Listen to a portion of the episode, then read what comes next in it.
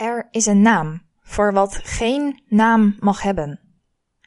Er is een naam voor wie, verstrikt in duizend spinnenwebben, niets dan de dood voor ogen heeft. Er is een naam, een twijgje in de lente, een takje aan een dorre struik, een blaadje aan een oude boomstronk, een voorjaar dat in licht ontluikt. Er is een naam tussen gisteren en morgen. Er is een naam tussen oud en nieuw. Er is een naam tussen wat was en wat zal komen. Er is een naam, ik droeg je toen je viel. Spoken word naar aanleiding van een gedicht van André F. Troost uit het boek Licht dat leven doet. We kennen allemaal wel iemand die verstrikt is in duizend spinnenwebben. Misschien ken je zelfs iemand die niets dan de dood voor ogen heeft. Misschien ken je hen niet zo goed. Misschien staan ze heel dicht bij je. Misschien ben je het zelf. In een vrij artikel van Neline Adams en Jan van Asselt hebben we vorig jaar in documentum nummer 5 kunnen lezen hoeveel eenzaamheid en depressie er ook op DC voorkomt. Van de 95 respondenten voelden of voelen 60 respondenten zich voor langere tijd eenzaam. Dit beperkt de openheid in psychische problematiek, terwijl juist in het artikel ook sterk naar voren kwam dat openheid één van de belangrijkste aspecten is bij het bespreken van psychische problemen. In deze tweede aflevering van de Podcactus, een podcast van de studentenvereniging Depositum Custodie, hopen we na te denken over het onderwerp psychische problematiek onder studenten op DC. Welke problematiek komt er voor? Hoe kunnen we openheid creëren op dit gebied? Welke rol hebben we als studentenvereniging hierin? En allerlei andere vragen zullen besproken worden. In deze aflevering hopen wij in gesprek te gaan met Neline Adams, afgestudeerd in psychologie en student klassiek zang aan het Utrechts Conservatorium, en Matthijs Grimwis, tweedejaars student psychologie aan de Universiteit van Utrecht. Maar dat niet alleen. We hopen ook weer een aantal andere DC'ers te spreken, waaronder opnieuw een vertrouweling van mevrouw de Cactus. We wensen u een fijn luistermoment.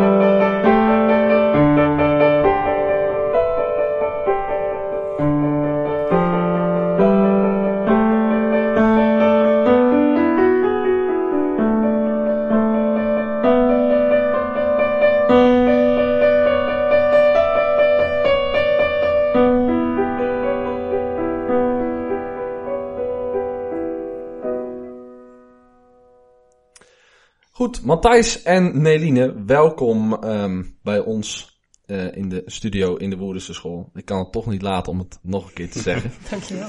Ja, bedankt. Uh, Matthijs, wat uh, viel jou op toen je het artikel uh, las wat Neline en Jan hebben geschreven over mentale problematiek op DC? Ja, ik, um, wat, me, ja, wat eerst eigenlijk naar boven kwam was toch wel een beetje een geschokt gevoel. Um, het feit dat als je simpelweg om je heen kijkt, uh, er toch best wel veel mensen zijn die uh, uh, struggelen met bepaalde problemen. Hè? En natuurlijk kan dat variëren. En, um, maar ja, uit de cijfers bleek toch ook wel dat er best wel veel mensen zijn die te maken hebben gehad of te maken hebben met verslaving. Nou, dat is echt, echt best wel intens natuurlijk hè, voor die personen. Het zijn geen hele makkelijke fases die je doorloopt in je leven. Um, maar wat ik ook opvallend vond is, en dat vond ik ook wel mooi aan het artikel, is dat uh, de algemene prevalentie van dat soort uh, problematiek uh, genoemd werd. En um, dan zie je dat, um, ja, ook al zitten we in een reformatorische cultuur, of ook al hebben we een bepaalde religie, we zijn er niet immuun voor. Hè? Mm. Je ziet best wel veel overlap tussen de, en, en ja, gelijkenissen tussen de prevalentie van de algehele bevolking en op DC. Ja. Ja, ik denk dat dat tegelijkertijd, uh, dat was ook inderdaad wel mijn gedachte, maar tegelijkertijd denk ik Hm. dan, de mensen die dus ergens mee zitten, ik weet niet, ik hoop dat het een soort geruststelling was voor die mensen, dat ja, de, er dus veel meer mensen zijn die iets hebben. Ja. Ehm, Soms kun je denken dat je enige bent met een, met een probleem, maar eigenlijk heel veel mensen hebben zelf iets of kennen mensen die met heftige dingen lopen. Dus ja, in die zin vond ik het ook een, ergens een geruststellend artikel. Ja. Een soort van tegenstelling. Ja, dat, maar dat is ook wel zo, hè? Want ik, ik, ik denk dat dat ook heel belangrijk is, dat je Mhm. dat weet. Ja. Want anders ga je er toch, denk ik, automatisch eh, over rumineren. Hè? Dan blijf je erover nadenken, zonder dat je eruit komt. En Ja, eh, je voelt je alleen Ja. in, in, in dat... eh, ehm, en je durft het misschien ook niet uit, hè? Dus ja, dat, daar ben ik het wel mee eens. Nu je dat Mhm. zo zegt, ja, mooi. Mooie, eh, mooie gedachte. Ja. Ja, we gaan het zo ook nog hebben verder over eh, eenzaamheid en alleenheid. En over dingen ehm, eigenlijk moeten delen, maar dat eh, niet ehm, dat moeilijk vinden. Dat niet, eh, niet kunnen eigenlijk bijna. Maar we gaan het nu eerst ehm, hebben over eh, verslavingen. Dat was eigenlijk het eerste wat eh, in jullie Oh, ja. eh, artikel naar voren kwam, eh Neline. Ehm, er stond dat er eh, in dat artikel dat 40% van de vereniging een verslaving zegt te hebben of te hebben gehad. Eh, had jij zo'n groot eh, percentage verwacht, Neline? Ik weet niet zo goed. Ik ging er redelijk open in. Ik heb niet echt heel, heel goed nagedacht over mijn ja, verwachtingen destijds. En ik ken wel mensen in mijn directe omgeving die verslaafd zijn. Ehm, dus het, was niet zo, het kwam niet als een grote schok. Maar het is inderdaad wel echt een hoog percentage. Ja. Herkenbaar, eh Matthijs? Ja, ja. Ehm, het, het, het, het, was, het was best wel fors, inderdaad. Ehm, maar ik denk dat dat ja, ook wel weer inderdaad te verwachten is. Hè? Want er zijn zoveel mensen inderdaad die eh, te maken hebben met allerhande pro- eh, problematiek. Eh, als je zomaar om je heen luistert naar andere mensen, eh, wat, wat die allemaal meegemaakt hebben, hè, dan, dan, ja. denk ik, ja, dat, daar hebben we inderdaad ook echt rekening mee te houden. Hè, We leven er heel snel aan voorbij, maar eigenlijk is de realiteit gewoon dat heel veel mensen hier te- hiermee te maken hebben. Ja, ja. En wat verstaan we eigenlijk onder een verslaving? Ja, ehm, als je het klinisch wil bekijken, eh, Rut, ehm, dan moeten we natuurlijk eh, naar de DSM gaan. De DSM is een, eh, een diagnostisch handboek eigenlijk voor psychologen en psychiaters. Het is, ehm, om dat even bij te vertellen, voor alle volledigheid, ehm, samengesteld door de APA. Dat kennen we sommige mensen denk ik wel, hè? de referenties en alle citaten. Nou, dat is dus die organisatie, staat voor de American Psychiatric Association. En zij eh, hebben een, een heel dik boek inderdaad samengesteld met allerlei ehm, stoornissen daarin, waaronder verslaving.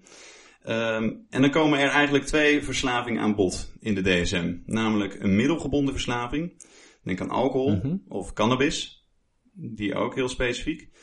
En sinds de DSM-5, ja, ik dacht sinds de DSM-5, ehm, Dat is ook dus de vijfde versie van het de DSM. vijfde herziene versie inderdaad. Ja, ja, ja. Ehm, ook een gokverslaving. En wat je bij beide ziet, is dat, en dat is- geldt eigenlijk voor alle stoornissen, dat het gedrag dat men vertoont eh, interfereert met de dagelijkse, dagelijkse activiteiten.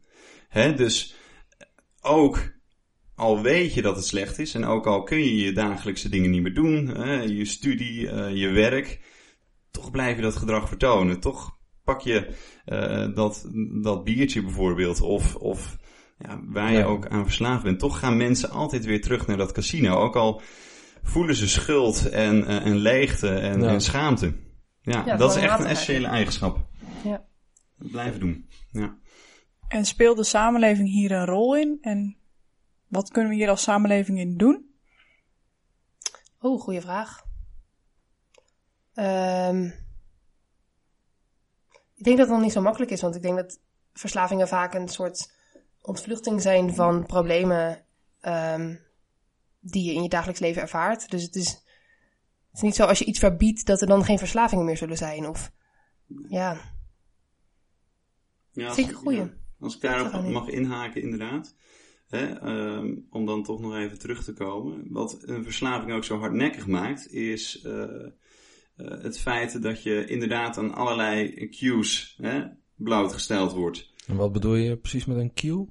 Dat is eigenlijk een, een ding in de omgeving die jou herinnert aan hetgeen waar je aan verslaafd bent. Dus bepaalde beelden als je bijvoorbeeld verslaafd bent aan porno. Juist, ja, ja, ja, ja. Nou, bepaalde reclameposters bijvoorbeeld die op bushokjes Ja. hangen, ehm, die kunnen al een hoop ja, eh, losmaken in ons lichaam. Dat, dat, dat zie je ook als je hersenstudies bekijkt, dat het beloningssysteem eigenlijk al eh, geactiveerd wordt alleen bij het zien van die cue. Het gekke daarvan is, als ik, daar, als ik dat zijwegje nog even in mag slaan, ehm, dat het vaak, dat dopamine dus ehm, vrijkomt bij het zien Ja. van die cue alleen al. En er wordt helemaal niet extra dopamine eh, afgevuurd wanneer iemand de daad verricht of wanneer iemand dat biertje neemt. Dus eigenlijk ehm, zie je dat de cue eigenlijk eh, dopamine opwekt en afvuurt. Ehm, terwijl het biertje zelf eigenlijk geen extra effect meer heeft na verloop van tijd. Hè, dat is bijzonder, dat hè? is wel, wel heel Dat is interessant. apart, hè? ja. Ja, ja, ja. Maar ehm, goed, jullie praten nu over eh, eh, verslavingen ehm, die we niet in de DSM terugvinden. Eh, dus we, hebben- we hebben het net al wat gehad over pornoverslaving, seksverslaving. ja. Ehm, nou, je kunt bijvoorbeeld ook denken aan een social media verslaving. Ehm, die staan dus niet in de DSM. Kunnen we ze dan eigenlijk wel een verslaving noemen? Ik denk dat ehm, die vraag. Ja, natuurlijk is het relevant. Het is zeker relevant, want het- ja, daarop baseren ehm, zorgverzekeringen ook of ze dingen, behandelingen bijvoorbeeld vergoeden. Maar eh, er is bijvoorbeeld ook wel onderzoek gedaan naar sociale mediaverslaving. En ehm, ook die onderzoekers zeggen het. Als het ervaren wordt als een verslaving, eh, ja, ik bedoel, we kunnen het wel of niet de label verslaving geven. En dus ik denk dat het een kwestie van tijd is voordat ook dat soort dingen, eh, voordat ook sociale media verslaving genoemd kan worden. Ehm, maar goed, met de pornoverslaving ligt het wel anders, denk ik. Omdat de maatschappij daar zo anders naar kijkt. Maar goed, ja. Oké. Matthijs, vinden we pornoverslaving terug in de volgende DSM? Ja, dan moeten er heel veel studies naar gedaan worden. En dezelfde resultaten eh, voor lange tijd eh, eh, gevonden worden. Ja. Ehm, maar ja, ik denk, eh, en ook al kan ik dat dus niet echt valideren met een DSM of met andere studies of zo. Maar ik denk dat wel dezelfde mechanismen als bij eh, een, middel, ja, een middelgebonden verslaving of bij een gokverslaving te grondslag Ja. liggen aan een pornoverslaving. Dus eh, het kan net zo hardnekkig zijn. Ehm, dus ook al is het niet opgenomen in het DSM-handboek, ik denk wel dat je het een verslaving kunt noemen. Ja, precies. Ja, ja. En dat kan dus heel subjectief zijn, eh, eigenlijk, zeg jij, eh Neline. Ja, ik, ik denk dat het grootste verschil is dat het door de samenleving als iets normaals gezien wordt. Ik bedoel, eten heb je ook nodig, Ja. maar dat noem je geen verslaving. En zo zien wij porno als niet iets normaals. Ik heb er een vak over gevolgd en er werd erover gepraat alsof het gewoon Ja. iets volledig normaals werd. Zo bedoel dus- je inderdaad. Ik denk dat het daarom geen verslaving zal worden.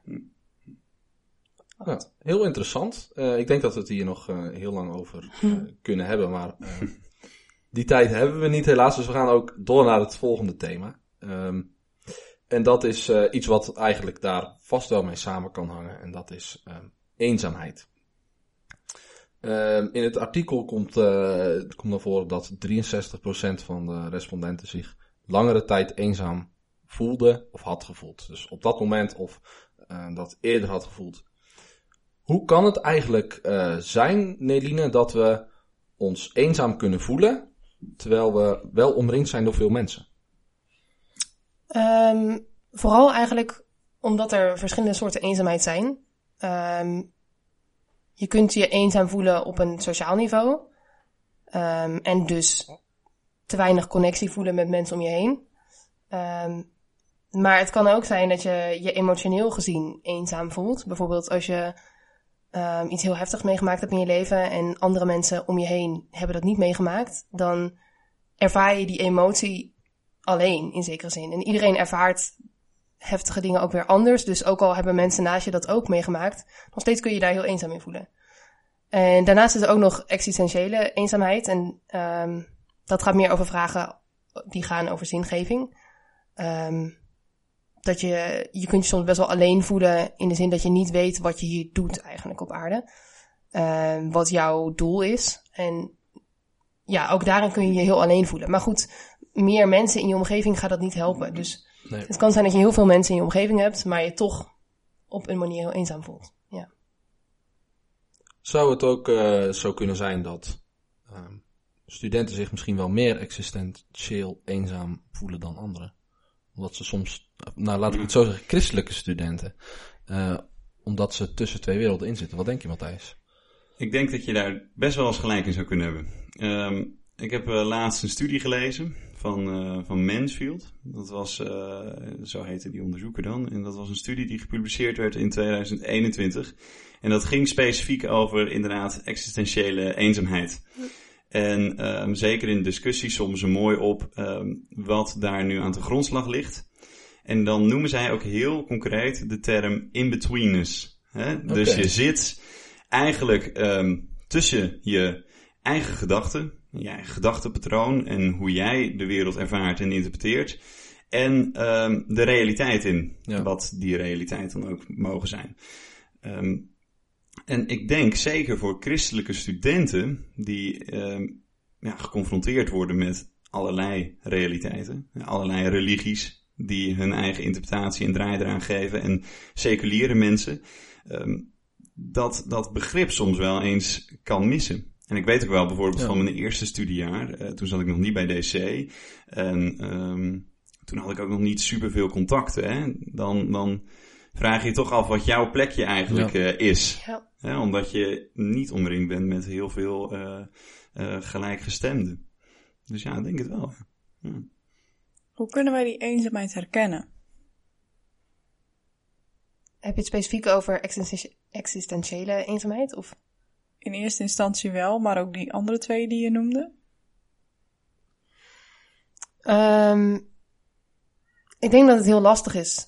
Ik denk dat mensen, als ze er open over zijn, uh, dat je dat natuurlijk kunnen vertellen, maar mensen kunnen het ook heel goed verbloemen.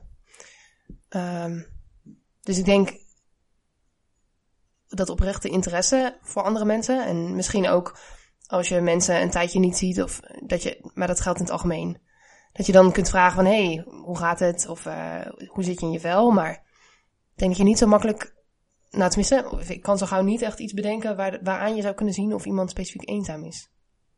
Heb jij misschien ideeën? Ja, dat verschilt toch ook wel heel erg per persoon, ja. denk ik.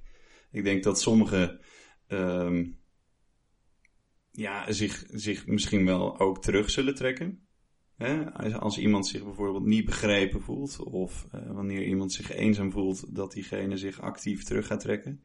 Want ik kan me ook zo voorstellen, hè, en dat, dat laat ook genoeg literatuur zien, dat je je ook heel somber gaat voelen. Hè? En ja. dat het, dat eigenlijk het mooie van het leven er ook een beetje afgaat, mm. toch?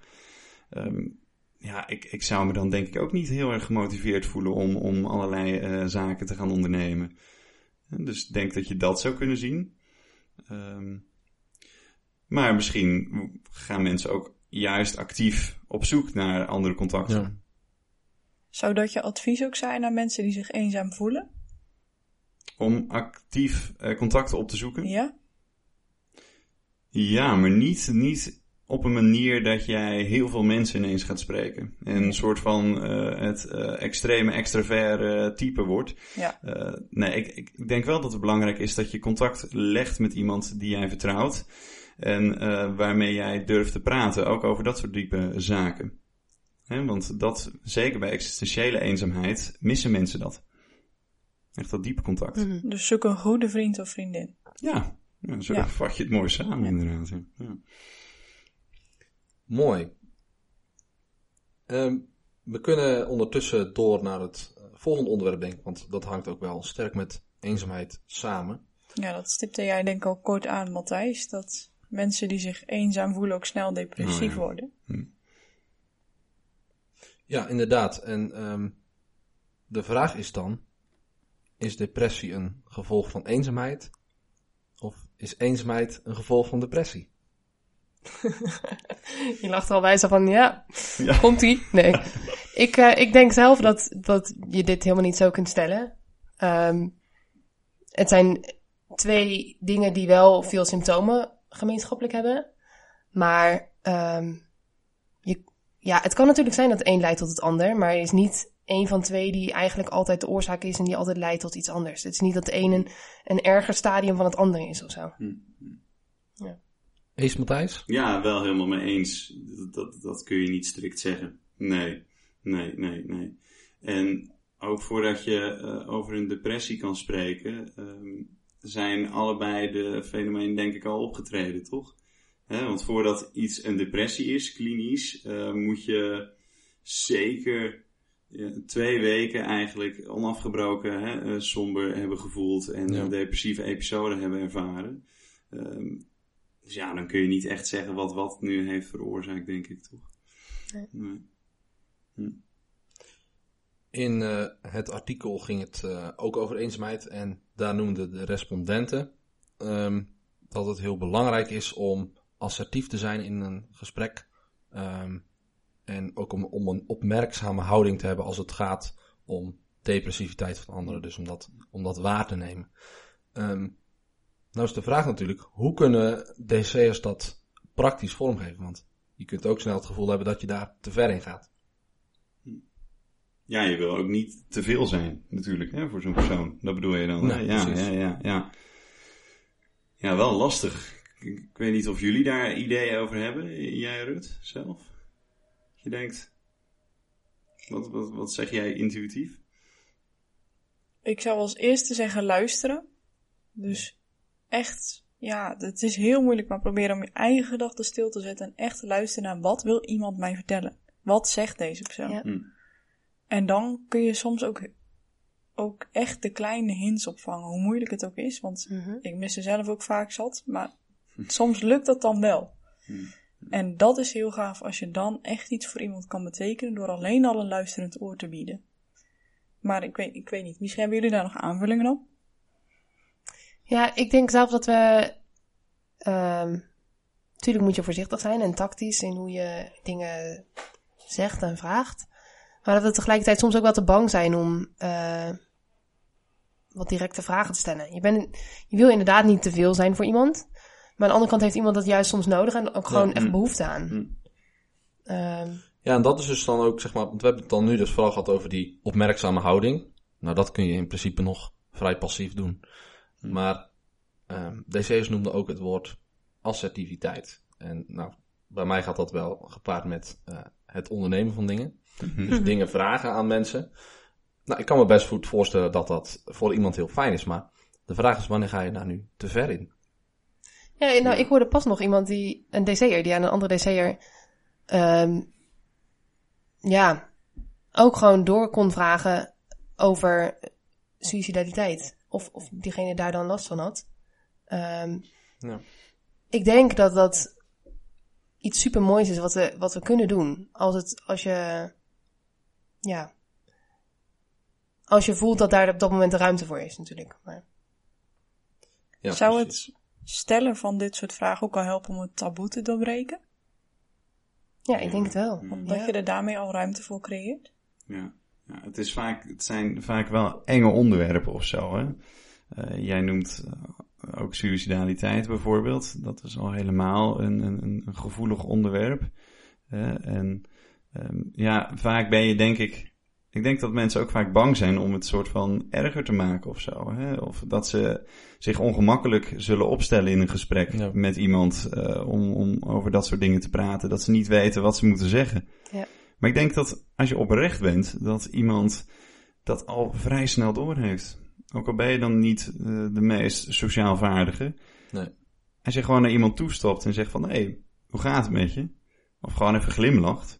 Ik bedoel, ik schrik er altijd van als iemand in de stad naar me glimlacht. Dan denk ik van, oh, zo, dit zag ik niet aankomen, eigenlijk. Hè, de, de kracht van zo'n kleine glimlach, zeg maar. Eh, moet je nagaan wat eh, gewoon die vraag stellen doet met iemand. Zeker iemand die eenzaam is, bijvoorbeeld. Ja, Dat en stel dat je zou vragen, ehm al ben je ook wel eens eenzaam dan? En iemand zegt, Nee, eigenlijk niet. Is ook helemaal niet zo erg. Nee, dat lijkt me ook niet, toch? Ja, Nee, helemaal niet. je kunt het ook prima fout hebben dan. Ja. Nou, mooie praktische handvaart om dit eerste deel van de podcast mee af te sluiten. We gaan door naar Theresa in de wandelgangen. En eh, na de wandelgangen vervolgen we met een vraag van Andra.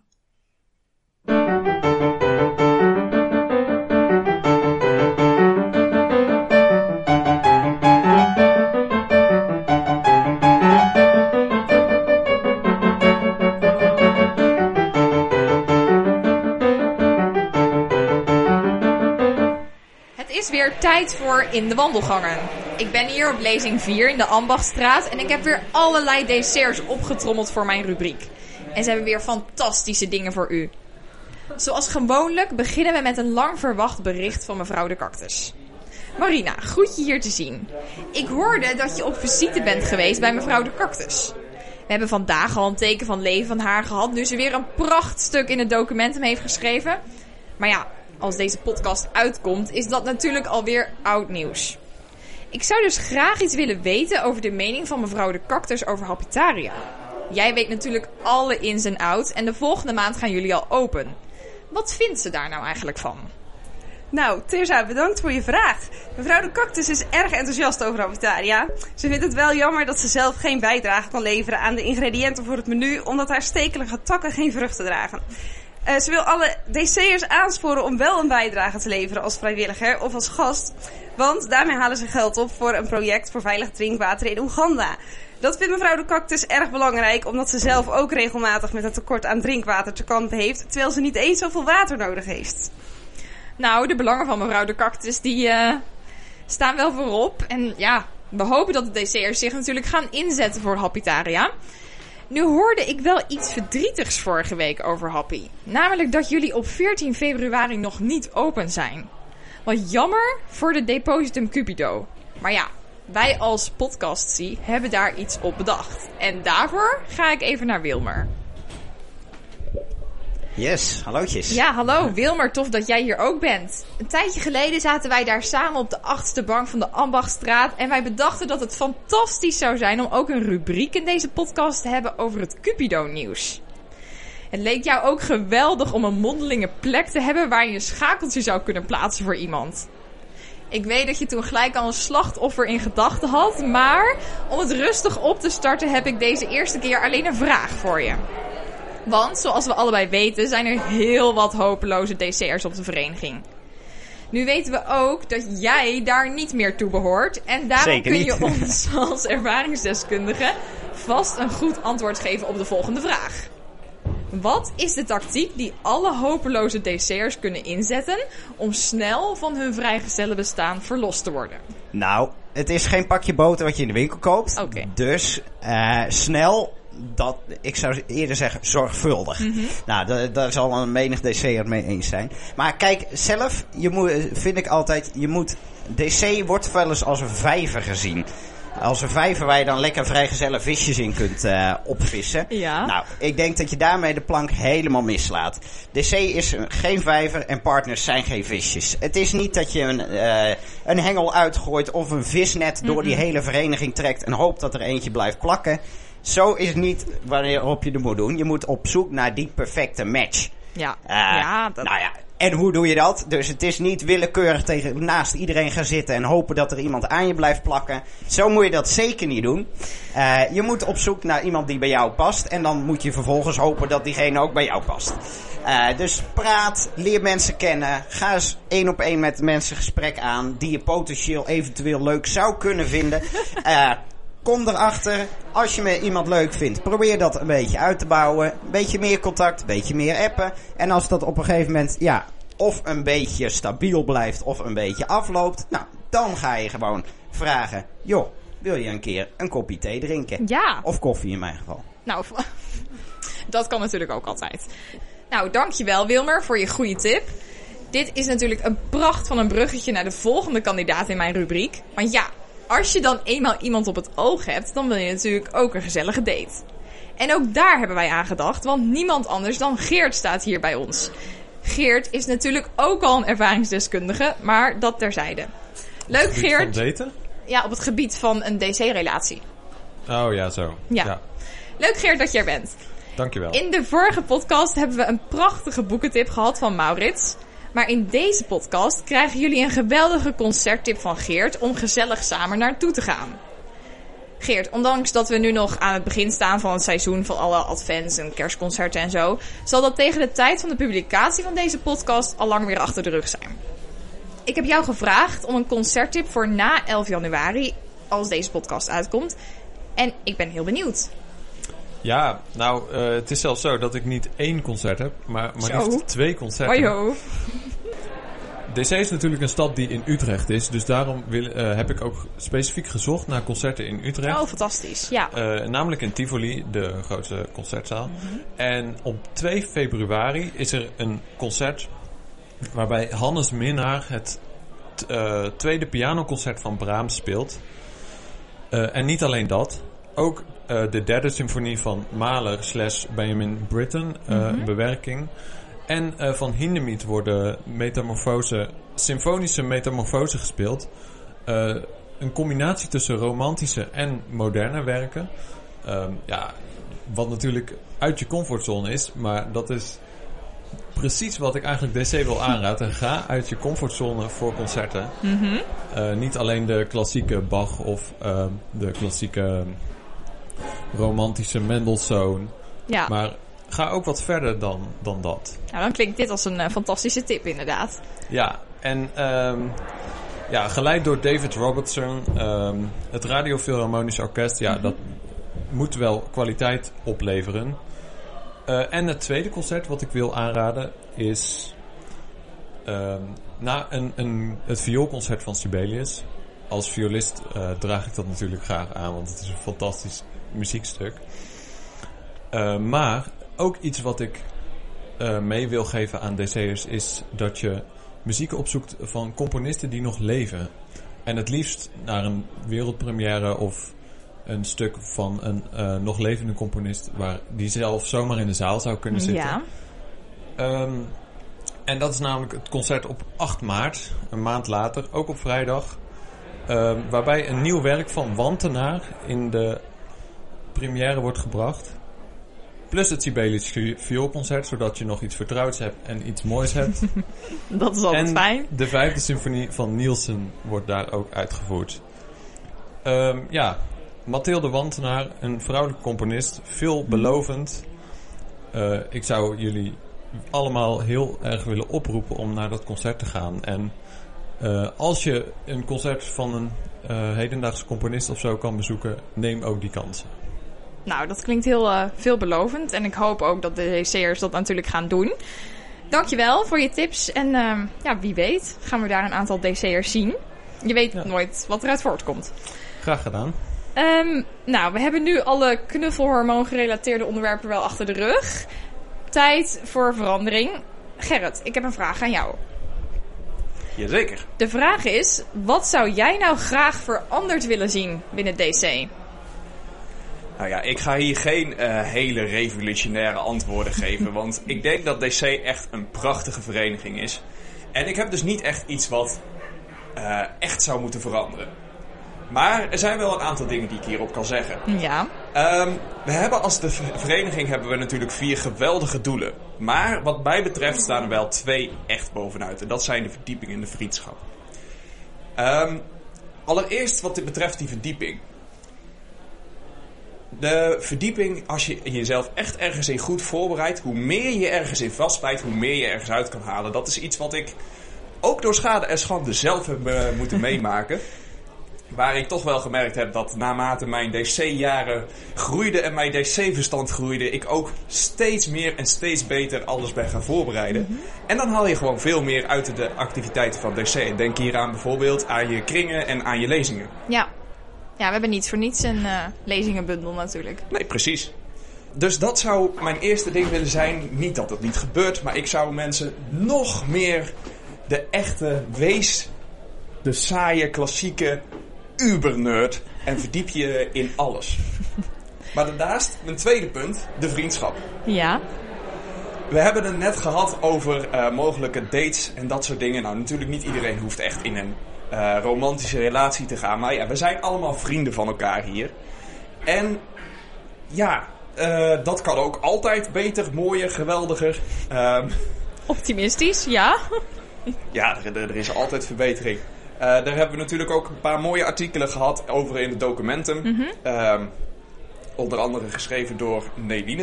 En ik vergeet eventjes wie de andere co-auteur was. Ik denk Jan van Asselt. Jan van maar- Asselt, ja. Ja. Over, ehm, over de mentale gezondheid. Nou, ja, Er zijn echt wel eh, dingen over te doen. En dat gaat ook goed. Nu zal ik vast een tipje van de sluier voor je oplichten. De podcast waar dit gedeelte in komt, gaat ook over dat onderwerp. Helemaal geweldig. Ik kijk nu al uit naar de uitzending. Fijn. Eh, dus ja, wees gewoon eh, vriendelijk naar elkaar, wees geïnteresseerd in elkaar en eh, verbeter de vriendschappen. Mhm. Nou ja, ik be- eh, betoog nu dus niet de romantische vriendschappen, maar ook de gewone, Ja, algemene vriendschappen van elkaar. Ja. Nou, dankjewel. Ik hoop dat we het als eh DC'ers ter harte zullen nemen. Graag En daar ga ik ook van uit. Dan zitten we alweer aan het einde van deze rubriek. Maar voordat we teruggaan naar het gesprek, krijgt Andra nog de mogelijkheid om een vraag te stellen aan Matthijs en Neline. Ja, we hebben het net al, eh Gerrit had het net al even eh, over mentale gezondheid. En eh, daarom heb ik een vraag over eh, psychische problematiek. Er rust altijd nog een taboe op eh, psychische problematiek. ehm, terwijl er veel mensen zijn die last hebben van mentale ongezondheid. Eh, ik las vandaag bijvoorbeeld nog een nieuwsbericht waarin stond dat 60% van de studenten psychische klachten heeft. Mijn vraag is dan ook of jullie het als studenten, en jullie zijn ook studenten die al wat langer studeren, eh, het zo ervaren dat er onderling met studenten niet zo makkelijk wordt gesproken over dat onderwerp en dat er nog steeds een taboe op rust. Of eh, is er juist wel openheid? En denken jullie ook dat er verschil is in opleiding daartussen? Nou, dankjewel. Interessante vraag. En daar zullen ze ongetwijfeld ook een antwoord op hebben. Dan geef ik bij deze dit stokje weer terug aan Gert en Rut. En we zijn natuurlijk heel benieuwd naar het antwoord. Ja, Matthijs, heb jij hier een antwoord op? Ehm, ik denk dat we het, het net ook even kort over gehad hebben. Ik denk dat we het eh, toen even aankaarten. Maar het, het, is, er heerst echt wel een taboe op, denk ik. Ja, dat denk ik echt wel. Ehm, vaak ook omdat mensen ehm, zelf het denken op te kunnen lossen, in die zin.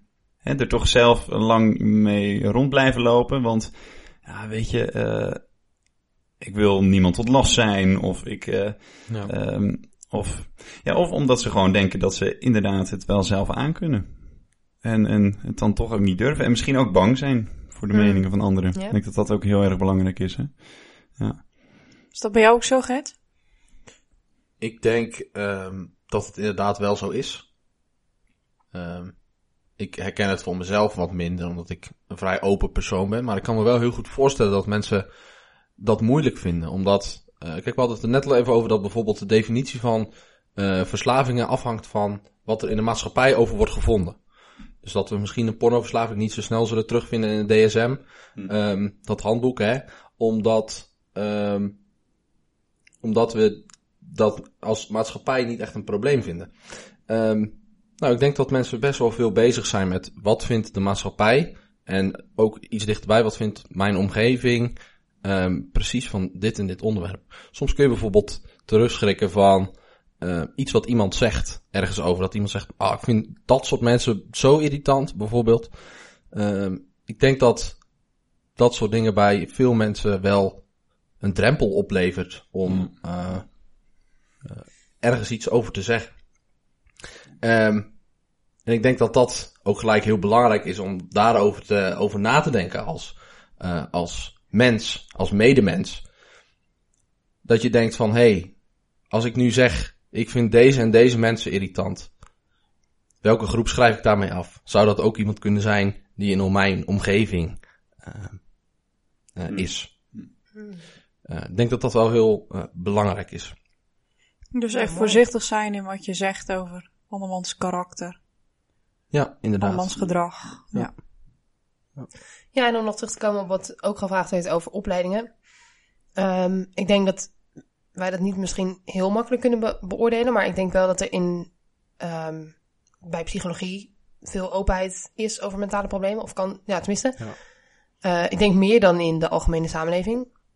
Ehm, omdat, nou ja, dat hoor je ook wel vaker, dat mensen sneller naar de dokter gaan als ze er meer over weten. En dat geneeskundestudenten sneller gaan. Tenminste, nou ja, oké. Misschien geldt dat ook niet helemaal, maar... ehm, en op het conservatorium merk ik ook veel openheid. Maar ik kan me ook voorstellen dat het op, hele, op andere studies inderdaad echt wel minder is. Ja. Maar hoe ervaren jullie dat? Ja, bij ons is wel echt, het, ehm, echt de mentaliteit niet zeuren, maar werken. En zeker Nee. op mijn werk is dat echt wel een ding. Ja. Maar op studie ook, zeker. Terwijl het toch een ziekenhuis is en veel over de gezondheid van mensen gaat. Ja, zeker. Maar dat eh, zijn fysieke dingen die wij kunnen afbeelden. Niet zozeer mentale dingen die we zien. Ja. Nee. Oh, wauw. Ja. Zo, ik denk altijd, je gaat met een gebroken been naar de dokter. Waarom zou je niet met mentale problemen, whatever, Hm. ook naar de dokter gaan? Dus toch het beïnvloedt ook je functioneren. Ja, blijkbaar is dat dus echt wel die drempel. Misschien wat ik het, waar ik het net over had. Misschien ook wel wat andere dingen. Mensen kunnen ook een drempel ervaren met een gebroken been naar de dokter te gaan. Bijvoorbeeld Zeker. financieel of eh, wat dan ook. Ja. Ehm, Het zou per streek misschien ook nog wel eens kunnen verschillen. Ja, dat denk ik wel. Het oosten dat nog erger is dan het westen. Hm. Maar misschien zeg ik nu iets heel raar. Nou ja, ik, ik wilde eigenlijk nog inhaken op wat eh Neline ook zei. Ehm, als ik naar mijn eigen opleiding kijk, ehm, dan is er inderdaad wel openheid. En dat komt misschien ook omdat je het letterlijk eh, bestudeert. Maar wat ik ook heel erg merk, is dat er vanuit de organisatie ook best wel over gepraat wordt. Dat eh werkgroepdocenten zeggen van, oh, maar er is een mogelijkheid, bijvoorbeeld aan het begin van dit jaar zeggen ze dat, eh, om naar een studentenpsycholoog te gaan. Ja. Als je ergens mee zit, maak het bespreekbaar. Dat, dat is echt wel een aantal keer eh, aan bod gekomen. Niet dat ze je daarmee eh, eh, kapot gooien. Ehm, maar ja, ze, ze kaarten het wel aan. En ik denk dat dat die drempel ook wel weer verlaagt. Ja. Hè? We hebben het net Ja, even zeker. gehad over wat, wat die drempel kan zijn. Ook als ik naar mezelf kijk, dan ben ik toch altijd wel geneigd om het zelf op te lossen. Je wil ook niet zwak overkomen of zo. Hè? Dat soort aparte ideeën. Ehm, over mezelf oordelend dan. Maar ehm, Zo apart is het ook weer niet. nee, ja, misschien, ja, dat, dat zal misschien eh, voor iedereen eh, of voor veel mensen gelden. Mhm. Ehm, maar die drempel overkomen, ik denk dat het, het, het communiceren, dat, het, dat er over gepraat mag worden en dat er mensen Ja. zijn met wie je erover kan praten, echt daar heel essentieel voor is. Toch? zeker, het lijkt zo triviaal, maar het is eh, van heel groot belang. Ja. Goed, we gaan eh, door naar ons eh, volgende onderwerp, eh, wat we hebben staan op ons lijstje.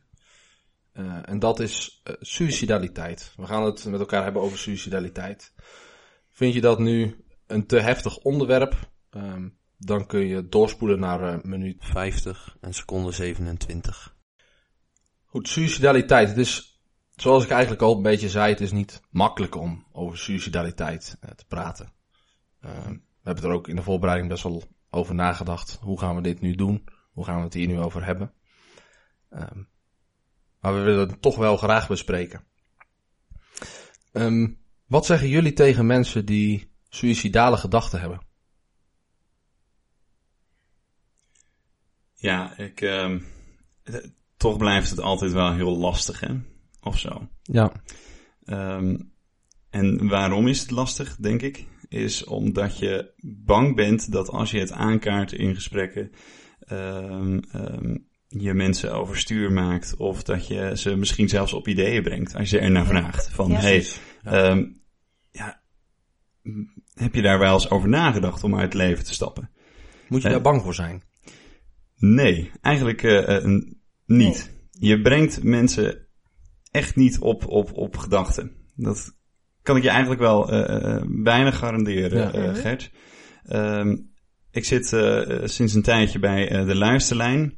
Eh, dat is een landelijk eh, telefoonnummer waar mensen met allerlei eh, ja, problematiek, mentale problematiek naar kunnen bellen.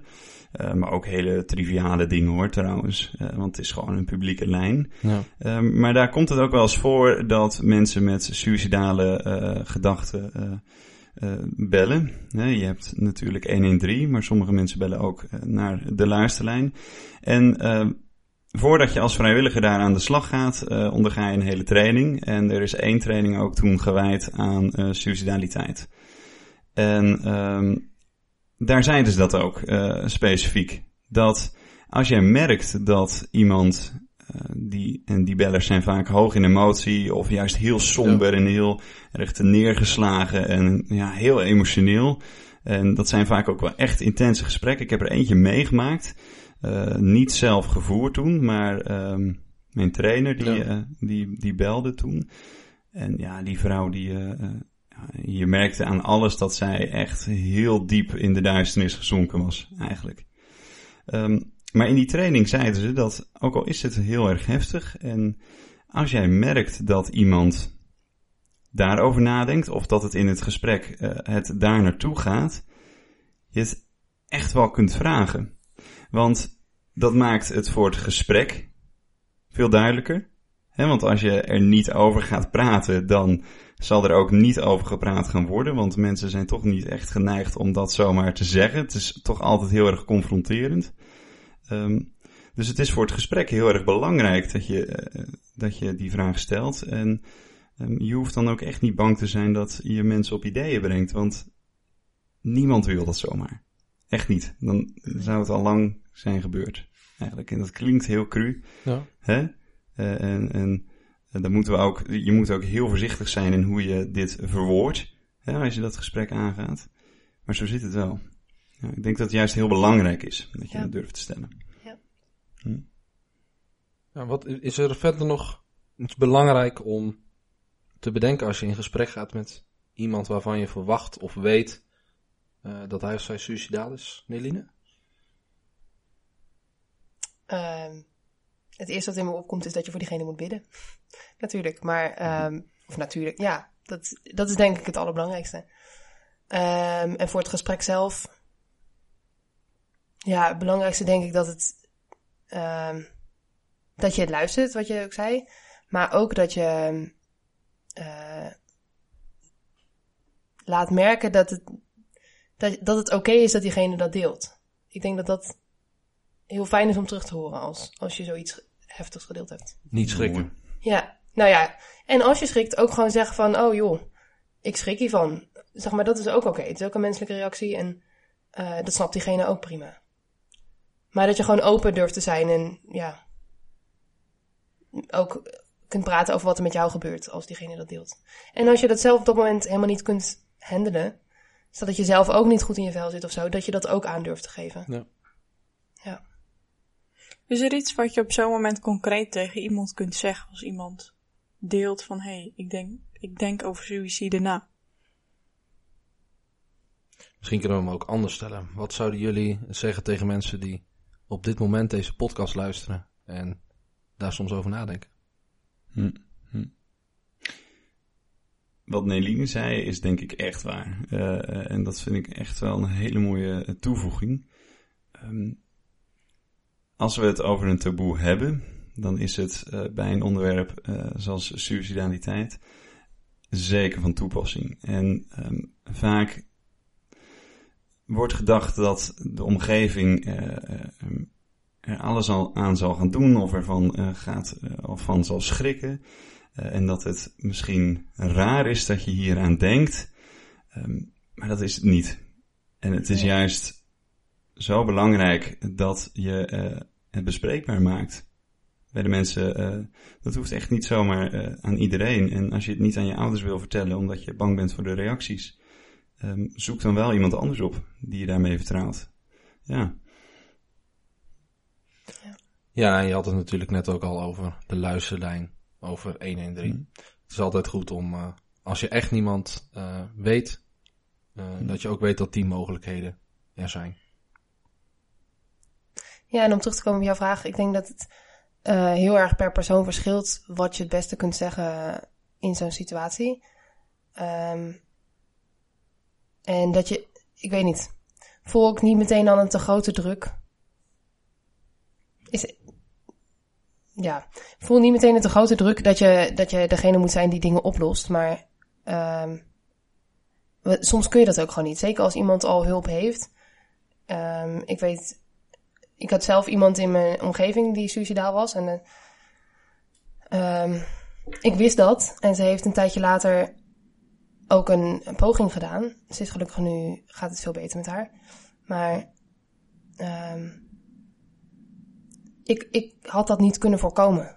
Ik, ik ben er voor haar geweest, zoveel als ik kon. En ja, meer kon ik ook niet doen. Ik heb gewoon geluisterd. En, dus ik denk dat, ja, ik denk dat je ook niet van jezelf de grote dingen moet gaan verwachten soms. Dank voor je openheid, eh Neline. Dus denk ik ook wel heel belangrijk om goed over, eh, goed over na te denken. En goed rekening te houden met ook de mensen die ehm, het in hun nabije omgeving hebben meegemaakt. Ik wil toch ehm, door naar het volgende onderwerp. Het laatste onderwerp van eh, wat we vanavond eh, hopen te gaan bespreken. En dat is de rol van DC bij mentale ehm, problematiek. Nou ja. Als je het artikel leest, dan is eigenlijk een rode lijn in dat artikel eh, dat de open sfeer op de vereniging echt heel belangrijk is. Ehm, en dan is de vraag, moeten we hier nog meer op inzetten? Ik denk dat het uh, super mooi is dat, dat we, wat we bijvoorbeeld zagen, uh, dat je in de kringplannen al zag dat er kringleiders waren die graag een open sfeer op hun kring wilden. Um, ik denk door dat gewoon zo te zeggen, dat je het al um, op een manier bevordert. Um, en dat, dat is. Ik denk dat dat is wat, wat DC nodig heeft. Dat gewoon mensen ook, als, ze dat, als je dat graag wilt, dat je ook gewoon soms uit van ik zou graag een open sfeer willen. En ook zelf je best doen daarvoor. Ik denk, hmm. um, ja, als je zelf open durft te zijn, durven andere mensen dat ook sneller. En mensen waarderen dat echt.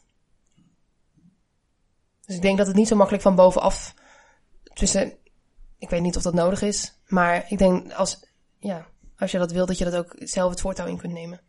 Het initiatief ligt meer bij de individuele DC'er, zeg maar. Ja, wat mij betreft wel. Ja, ja. Dat denk ik ook wel hoor, toch? Ja, ja. Ik denk dat dat van, van hogerhand uh, heel lastig te verwezenlijken is, toch? Uh, uiteindelijk uh, heb je die openheid nodig ehm, tussen twee individuen of in, in, in, een kleinere groep. En dat kun je alleen, denk ik, verwezenlijken door er zelf als groep eraan te werken. Ja, dat denk ik ook wel. Hmm. En, en toch is het ook alweer lastig, denk ik, of zo. Hè? Want waar doe je nu goed aan? En uh, welke personen hebben daar nu wel, uh, uh, hechten daar nu wel waarde aan en wie niet? En ja, ik vind dat toch wel een dingetje of zo. Hè? Ik wil ook niet constant degene zijn die zich open opstelt binnen de groep of zo. Terwijl anderen dat dan niet doen. Ja, maar zou het niet toch zo zijn dat er een aantal mensen moet zijn die zich wat opener opstelt uh, dan een ander. Ik denk dat dat een van de dingen is die, als we het dan over de individuele DC'er hebben, denk ik dat dat een van de dingen die belangrijk uh, uh, zijn. Ja, ja. Dat je zegt van, oké, okay, ik durf me wat kwetsbaarder op te stellen, ik maak er gebruik van. en ik geef een voorbeeld aan andere DC'ers om aan hen te laten zien, hey, het is oké okay om iets te delen. Want ik durf het ook. Uh, ja. Ik denk dat dat, uh, dat, dat wel uh, heel belangrijk is. maar Matthijs, hoe was dat voor jou eigenlijk als Aspie?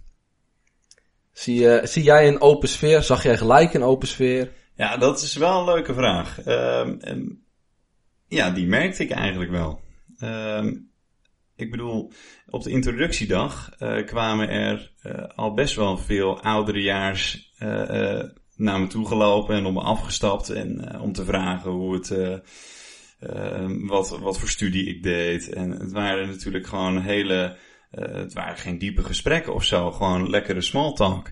Maar um, ja, dat maakte je wel, dat liet je wel welkom voelen. Tenminste, zo heb ik het echt ervaren.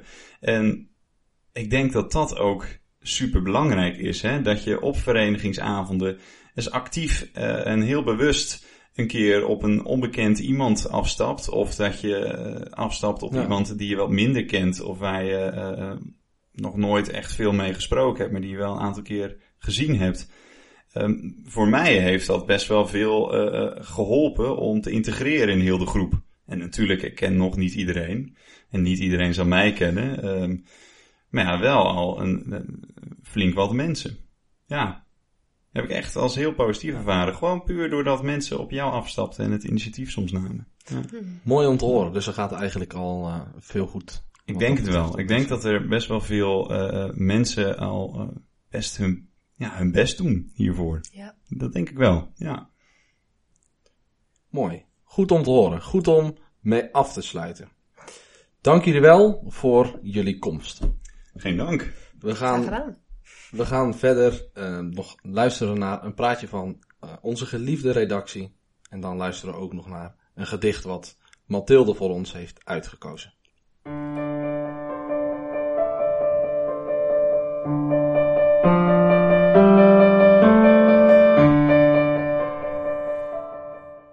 Het schip dat documenten heet maakt zich klaar voor een tweede reis. Kom, ga mee aan boord. Pak een glas thee of chocolademelk uit de scheepshut, schuif uw stoel bij de kachel en kruip onder een kleedje om deze documenten te lezen. Want u hoeft niet ver te gaan om nieuwe werelden te betreden. De grond onder uw voeten is al een terra incognita. Laat u door Bram inleiden in de wonderenwereld van bodemmicroben. Is dat woord u nog geheel onbekend? Dan nodig ik u des te meer uit om de ontdekkingsreis te maken. U ontdekt in dit nummer ook meer over Asher, over ons bestuurslid Hanneke en over de duistere wereld van demonen en duivelen. Wilt u zich dit jaar verrijken of verwonderen? Dat kan door documenten te lezen. Het tweede nummer heeft u bij de lezing al mee kunnen nemen. U kunt ook bijdragen aan ons verenigingsblad. Als redactie staan we altijd open voor DC'ers die iets willen schrijven of ideeën hebben voor documenten. Benader gerust een van de redactieleden. Neem, lees en schrijf. Ik ga een gedicht voorlezen van Jacqueline van der Waals. En als het in het gedicht over de man met de zeis gaat, staat dat met een hoofdletter geschreven. Het gedicht kan zowel hoopvol als niet hoopvol worden geïnterpreteerd. Het heet In het hooi. Ik lag in het hooi. De hemel was mooi, mijn bed zacht en goed, en het geurde zo zoet. Ik keek met een zucht van genot naar de lucht. Mijn geluk was als dat van een spinnende kat. En ik dacht, zo meteen moet ik op, moet ik heen, maar ik weet nog niet hoe ik dat kan, ik dat doe. Als nu spelende wijs mij de man met de zeis had gemaaid als het gras dat dit hooi eenmaal was. Ik behoefde niet op meer te staan, niet rechtop meer door het leven te gaan, en dat lachte mij aan. U luisterde naar de tweede aflevering van de Podcactus van Depositum Custodie. De volgende podcast verschijnt op DV 7 maart. In deze aflevering hebben we nagedacht over een heel belangrijk, maar tegelijk ook heel kwetsbaar onderwerp. Zoals we ook van Matthijs en Eline hebben gehoord, hebben we als DC een belangrijke rol in het ondersteunen van personen met psychische problemen. En we hebben ook gehoord dat het heel fijn kan zijn om hier met andere DC'ers over te praten. Verlies elkaar daarom niet uit het oog. Deze podcast is mede mogelijk gemaakt door de podcastcommissie 2023-2024 van Depositum Custodie. Voor de muzikale bijdragen bedanken wij Geert Schalk, Ferdinand Snoek en Christoffel Zuidam. Voor reacties podcast@depositumcustodie.nl